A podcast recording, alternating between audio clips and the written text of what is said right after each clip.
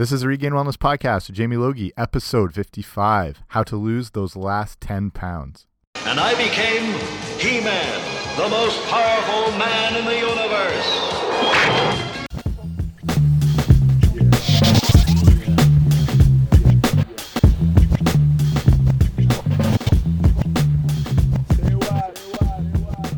Hey guys, what's happening? Welcome back to the podcast. I'm Jamie Logie. I run regainwellness.com, and this is the Regain Wellness Podcast. So thank you so much for joining me here today. If you haven't already, swing by regainwellness.com. You can see everything else that's going on there. It's kind of your one stop shop for all things health, nutrition, fitness, wellness, the whole deal, the whole enchilada. It's got all the blogs, the different podcasts, um, books, guides, whatever you want. It's all there. And I want to thank He Man for the uh, the intro. He's tough to get, but I, I locked him in, and uh, yeah, that's that's good stuff. So it's getting down to the end of summer now, and I just got back from what I do in the summer. Is I'm the head of fitness for a sports summer camp in the U.S., which I think I've mentioned on other shows, depending on how many of these you've listened to. If this is your first one, welcome. And that's what I've been doing in the summer. It's in northern Connecticut it's a big camp. There's upwards of 400 kids. I've been doing this for around 10 years now. And these camps, especially in the New England area, are big on basketball. They have baseball. It's got inline hockey, like full facilities, everything, and actually a full gym. So I work with two other staff. Shout out to Christina and Dave, who help me put together these programs for the kids all summer. So we're seeing anything from kids as young as 10 years old upwards of 18 and on some days it's groups of almost 40 some days it's only groups of 12 so we have to be able to cater to quite a lot of different fitness levels and a lot of different um, abilities. So what we found works well especially with the kids and for youth training. And if you have kids or if you know of any youth. They they work well in kind of a modified sort of CrossFit boot camp type deal. So what we would do is we'd set up. This is something you can do as well. We'd set up um, with partners in stations. We'd have certain exercises, whether they be burpees or mountain climbers or just holding a plank or whatever.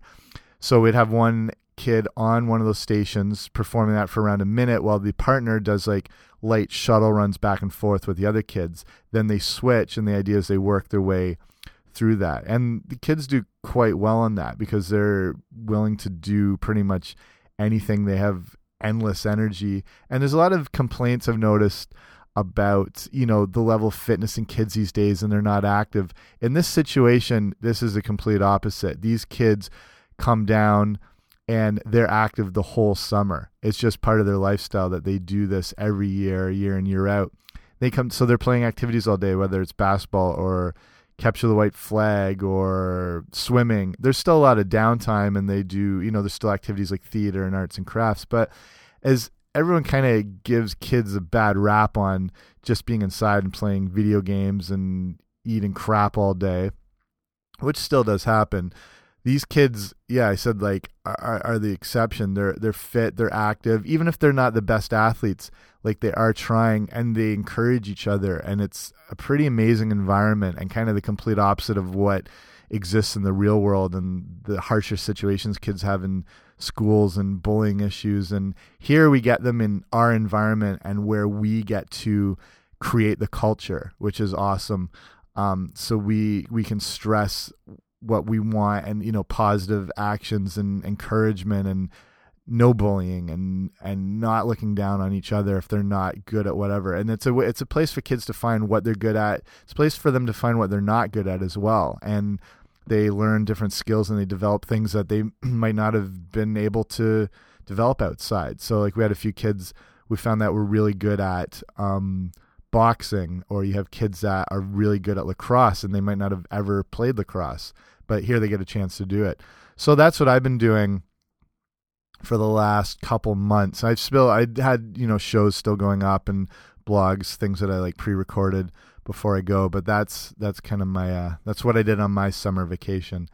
And just speaking of that in the last few days we uh we lost darryl dawkins chocolate thunder um, NBA great, and he's a guy who came up to the camp actually quite a bit. Every year we will get um, a professional athlete to come up, usually basketball players. So this year we had Mason Plumlee, who played for the Brooklyn Nets last year. We've had um, Steve Novak, David Lee, Ray Felton. We get a lot of top guys in, but Chocolate Thunder, Darryl Dawkins is one that had come up a couple times. Uh, we saw him a few years ago.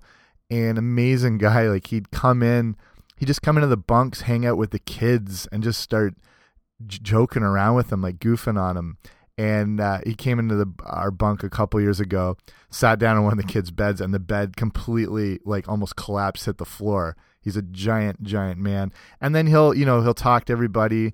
He did a um, sort of little basketball clinic where he had the kids playing one on one with them, and you know, so he'd have some twelve year old boy come through, and he wouldn't even bother to completely reject the kid smashing the ball down. But just he was an awesome guy, a big loss, and just want to say rest in peace, Chocolate Thunder. We love you. Before we get into well, the whole point of the show, we're talking about losing those last ten pounds. Um, just some different things you can do and um, ways to kind of over jump over that hurdle, which is kind of the sticking point in your your weight loss pursuits. But just want to mention now as we're kind of getting down to the end of summer, which I hate talking about. It's always sort of depressing feeling when it rolls around each year. But I want to encourage you to keep making use of those summer months and honestly into the fall. Like we just it's kind of this idea when back to school hits, we have to like lock ourselves up and winter is a coming. No Game of Thrones spoilers here. But to me, this is one of the best times of the year to still be active and still stay outside. Like where I live, I'm in southwestern Ontario. Like I said, I was in um, the Berkshire areas in, in, northern Connecticut through New England, and it gets brutally hot. Like just because I'm Canadian, everyone assumes they live in an igloo and ride a dog sled, which is true. But in the summertime, it gets ridiculously humid, um, really hot, really muggy to the point where exercise outside is quite actually can be quite dangerous when you're um, you can really do some damage to your lungs and even like your central nervous system and just overload it if you're not watching yourself. So, like I tell a lot of people, like clients and whatever, I really encourage people to get out of the gym and get outside in the summer months and enjoy them.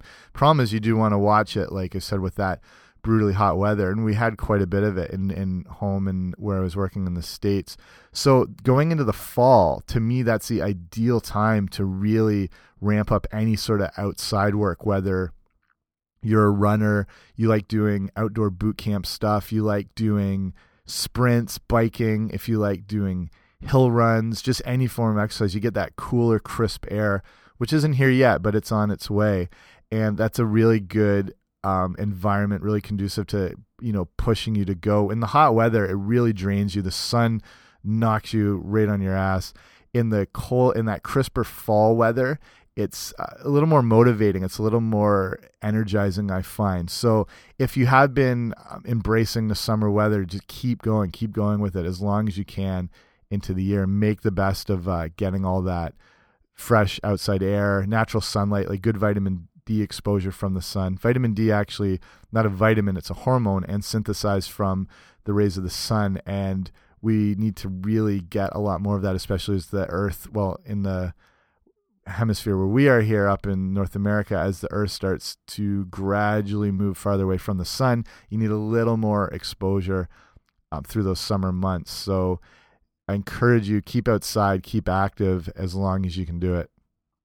Okay, with all that out of the way, let's get into some of the things you can do to lose those last 10 pounds. Just be a quick episode today, but let's get going. So keeping with the exercise theme here, we're talking about eh, you know summer workouts in the fall, keeping outside. This is going to be focused around some of the things you can do that are a little more intense exercises to help get you over that hump and that last 10 pounds. The thing is, like, weight loss can be relatively easy, um, but that it's getting down, whatever your goal is, that those last few pounds, those last five or 10 pounds, tend to be the hardest. So if you've experienced weight loss yourself or you know someone who's lost quite a bit of weight, you know, they can make a lot of progress. Um, but it's that last little bit can be quite difficult. It's basically at that point, like your your body's fighting to hold on to those last few pounds of body fat because that's what body fat is. It's it's a backup energy source, and our bodies don't want to be lean. They want to keep body fat. They have this sense that there's going to be potential famines or disasters or environmental issues, and we need this sort of storage um, unit of fat to get us through the, those, those trauma times or those droughts or those famines. But those aren't ever going to come, and we know that. But our bodies don't know that. So that's when you lose weight, you get down to that last little bit, your body is holding on to it for dear life as your metabolism um, will will slow even a bit more. It'll make that even tougher and tougher to lose. So like some people this is a lot of this information is based from an article I helped write for the Active Times and me and some other um, personal trainers and fitness and nutritionists and stuff just kind of chimed in on things you can do to get over that last hump.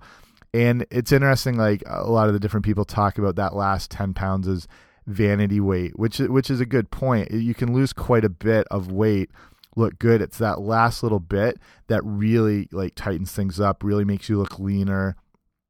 So it's the same issue with like competitive bodybuilders or, or fitness athletes or anyone who has to get down to lower body fat levels. Like they always look good. And then when they look really lean, really ripped, is that last little, that small percentage at the end, which makes a big difference.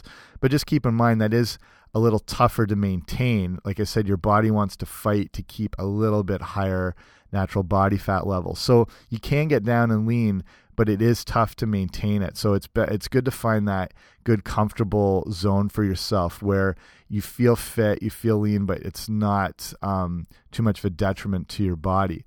But if you are looking for those last bit, it is um, as long as you're looking to be healthy you can find like your own target weights for what you think is best for you. And you know that might be a certain poundage, but I do recommend not looking for a specific number on a scale and um, scales in general just are not a good guide of what is happening to your body. They don't tell you the percentage of lean muscle to body fat. They they really don't give you an indicator of what's been happening. Your best indicator is going by body measurements or how your clothes are fitting, and that's when you know when you're making progress. Like if you're losing inches off your waist, and but say the weight on the scale stays the same, it's a good indicator that you're probably losing body fat, but even putting on some lean muscle. As lean muscle takes up a little less room, but it's more um, metabolically active, so it's burning calories at rest. So your weight might be the exact same on the scale because you've put on that lean muscle, but you've lost that body fat which has transformed the look of your body. So to me, when you find that kind of comfortable range, specifically like where you can notice it in your clothes, you feel how you like how things fit, that's probably a good guide for where you want to be. You can keep an, an indicator of what that is on a scale weight, but remember, like, that scale weight is not a good um, resource or a good go to as far as your level of fitness or your health. And the fact, like, your weight does fluctuate throughout the entire day. Just in water weight, you can you know, anywhere from three to five pounds difference over the course of a day. So if you are weighing yourself and you want to look for more of a true body weight, you want to weigh yourself first thing in the morning when you wake up. That's when you're a little more, you know, depleted. You don't have a lot of uh, food in your system, even even maybe a little dehydrated, just because you, you're not full of extra water. So that water weight makes a big difference today and especially for women as well hormone levels can really fluctuate how the weight goes through the day. So it's you know if you if you want a starting point make sure it's that that first thing in the morning. And when you do monitor your own weight you want to be consistent with those times a day that you do weigh yourself. So you don't want to weigh yourself at like six at night at one day and then the next day at like nine in the morning because there's quite a vast difference that can happen through the day and you don't really get that real indicator of where your body's at. So, like I said, go with the measurements, get the tape measure, probably your better better indicator there. So, with some of the uh, activities you can do to get through um, and break through to kind of give it that last ramp up to lose that last little bit of weight, this is when you really want to switch things up in whatever activity you're doing whatever workout program you've been doing for the last few weeks, months, years, now you really want to switch it up. If it's made you some good progress, that's awesome. At some point, your body is going to get complacent and get used to the workout you're doing. Your body strives for you know what we call homeostasis where it wants balance so it'll find the most efficient way to do something so if an exercise program is creating a great stimulus that it's losing weight and you know building muscle whatever that's kind of a, a response by the body that it doesn't necessarily want to do. It's just it's a reaction that happens to this training stimulus. Eventually it'll figure out how to um, let your body systems and energy systems perform these activities with the least amount of of expenditure like from a calorie standpoint or hormonal. It basically just it wants to get into neutral as quick. So that's why it's really important to switch up your routine as it creates that new stimulus to the body almost like a new shock like a positive shock. But that's what gets you those better results. So a good tip i like to say is the best workout is the one you've not done yet.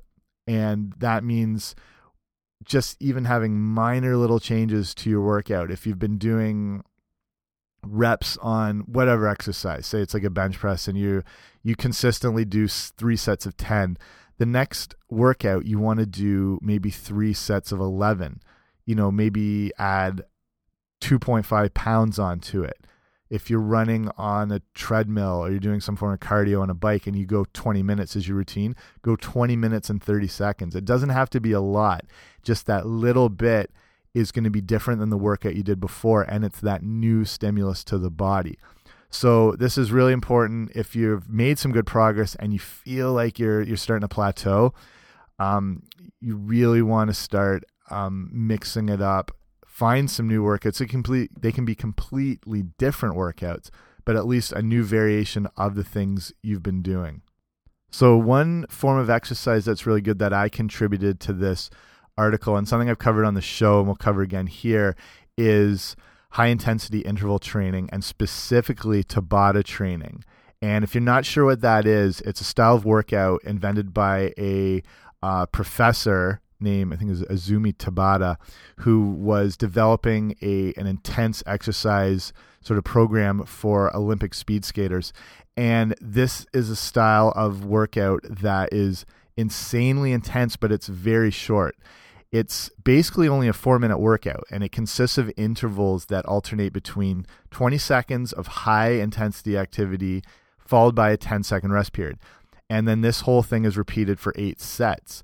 So when you're picking the exercise for the 20 seconds, you want it to be something that's like a full exertion because you're going to go really hard on this 20 seconds. So to me, the best exercise is burpees, invented by a guy whose last name was Burpee, who wanted to create an exercise that involved all muscles. It involved muscular endurance, cardiovascular. It's it's kind of the king of exercises because everything's involved.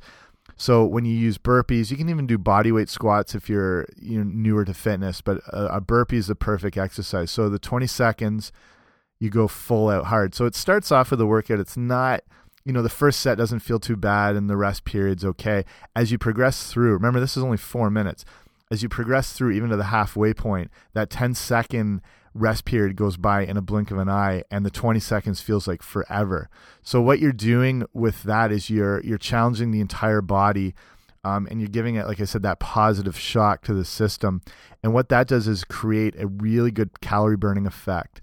Um, it's kind of what they call it's called EPOC to get technical excess post oxygen consumption and it's considered like an afterburn effect. So your body is still burning calories up to 24 and some say even up to 36 hours after the workout because of all this oxygen's used your body has to kind of replenish it from the workout and it uses calories to do that. So doing these exercises really has that afterburn effect that'll continue long after the workout goes. So that's why Tabata training is amazing it's short, you can add it in. It's not something you want to do every day, but a couple times a week. So if you're doing, say, a strength training program, you can add this in at the end of the workout. Or it's good if you're traveling or you don't have access to a gym. You can do it anywhere. Tabata is free. You can burpees are free. It doesn't cost you a thing. And there's some really good apps. I'll link up on the show notes today. So everything I'm talking about is on go to regainwellness.com slash 055 and I'll link some apps there. And I have a whole podcast just on Tabata training. So I'll link that as well too if you want to hear a little more details. But a really positive thing to just give your your body that boom, that extra shock to kind of get over the hump. The next form of exercise that can really help, kind of a, a new program or something to mix it up, is Pilates. Um, or bar, which I don't know if you're familiar with. Uh, part of this article, uh, someone, uh, Astrid Brucker is a Pilates mat and bar instructor in New York, just talking about that last 10 pounds being quite challenging. And they find that Pilates and bar conditioning exercises really help because uh, just talking about that, our bodies have a set point for weight. And, you know, the last several pounds can be tricky. So Pilates mat exercises, uh, focusing on the side of like, the thigh, tone that area and slim it down. Similar to dance class and you know dance exercises, the focus is toning and firming, extending the muscles for a very lean look. Um, it helps with your posture, more lean muscle mass. Mass, sorry, the, that's some of the effects that come out of doing Pilates and things like that. It'll help really improve your overall body composition. So if you look at dancers, they're extremely lean. Um, really well conditioned and pilates is a really great way of giving your body a new um, kind of effect environmental effect that it hasn't experienced before as you're learning a little more of like you know the balance aspect um, the toning. It's still a, an, an intense workout. So if you haven't been a part of pilates before it's something to look into especially if you're you're trying to get over that hurdle of losing the last 10 pounds. It can have a lot of really positive effects on you. The next thing I'll talk about is really focusing on strength training as well, especially if you've been only doing things like um, cardio or yoga or Pilates, all awesome. But adding in some real strength training, like with free weights, uh, body weight exercises, that really plays an important role in helping you uh, lose more fat, burn more calories, and everything like that. It, it's you know we can talk about this all day, but it's it's pretty basic information. And I mean, there's enough studies. Um, got one from the Harvard School of Public Health that highlights the importance of including uh, resistance training in your workout routine. And that study focused focused on belly fat reduction specifically, and found that when compared with so just basically men who spent time on different types of aerobic exercise, you know, whether it's yard work, stair climbing, whatever, the men increased the time they spent training with weights and they found they gained less weight in their waist. The strength training really helps you to build muscle, which is, you know, like we said, met metabolically active. You're burning more calories just at rest. Um, just to maintain it, it takes a lot of energy from your body. So when you strength train, you're increasing your lean muscle mass, you increase your resting metabolism, and as a result, you're burning more calories through the day, ending up with uh, less body fat and a little leaner. So, if you're new to strength training or whatever, if you're not part of a gym, you can find really good body weight exercises just through like YouTube videos. I can link up some stuff too, whether it's doing, you know, push ups, dips, burpees, again, like uh, body weight squats, lunges, crunches, leg lifts, stuff like that, anything you can do. If you're in a gym and you've already had different workouts or you've been part of a strength training program, it's time to yeah, jump back into that and just introduce that uh, that muscle building effect back to your body. Another thing you can do is get involved in circuit training. And might have been something you've already done before, but if not, it's something you can do to really bump up your metabolism, increase energy expenditure during a workout. Circuit training, just in case you don't know, it's basically involving uh, it's performing a series of exercises one right after the other with basically no rest in between. Maybe a few seconds, quick drink, whatever. High intensity exercises again keeps you constantly moving for that certain period of time. So it's great for burning a lot of calories in that short amount of time. So typically, a circuit workout will include 8 to 12 exercises, give or take, and they're performed for specific amount of repetitions. And when the entire circuit of exercise is complete, the exerciser, you, can rest for a minute or two before repeating that circuit again, you know, upwards of three, maybe four times. Um, you know, with the, I'd say shooting for repetitions of you know 12 to 15 reps depending on your goals you can i wouldn't get i wouldn't get two under eight or ten the idea is to keep yourself moving it keeps that oxygen consumption up, it keeps your metabolism going. Um, a circuit workout most commonly consists of high intensity aerobic stuff, but they can be organized in a variety of different ways and include things like strength training, weightlifting, body exercises, aerobic like box jumps, jumping jacks, all sorts of stuff. I'll put a I'll put a link up of some circuit training things you can do. So yeah, pretty simple. It's good to do with a, a, group of people too, whether it's two, three, four. We do this a lot with the kids in the states because you can get a lot of people through it as one starts. You know, they have the twelve different stations to go through, and then once one's done, you can put a multiple, um, sorry, multitude of people through it. So ideally you want to if you're doing circuit training you want to start with the exercises that work the biggest muscles first and then work your way down to the smallest muscles so that means the first when you have your most energy at the start of the circuit is when you want to be doing things like legs quads you know squats lunges whatever then into the other big muscles so like back exercises and then into exercises for chest, uh, shoulders. Then you're slowly working your way down, like biceps, triceps, abs, all those smaller muscles. So you just kind of want to taper it off as your energy sort of lowers throughout the circuit. But circuits, amazing. Um, they can always be different. That's what's good. They can be constantly changing. You can mix up the exercises. You can mix up the reps. You'll never have to do the same circuit training uh, series um, more than once. You know, you can always make them different. So totally encourage you to do that one. And the last thing I'll finish off with here is yoga. And I've talked about yoga a little bit, something I had got into that especially that hot yoga. And and I've mentioned before, I'm pretty fit and I've been strong my whole life. I've played all sorts of sports.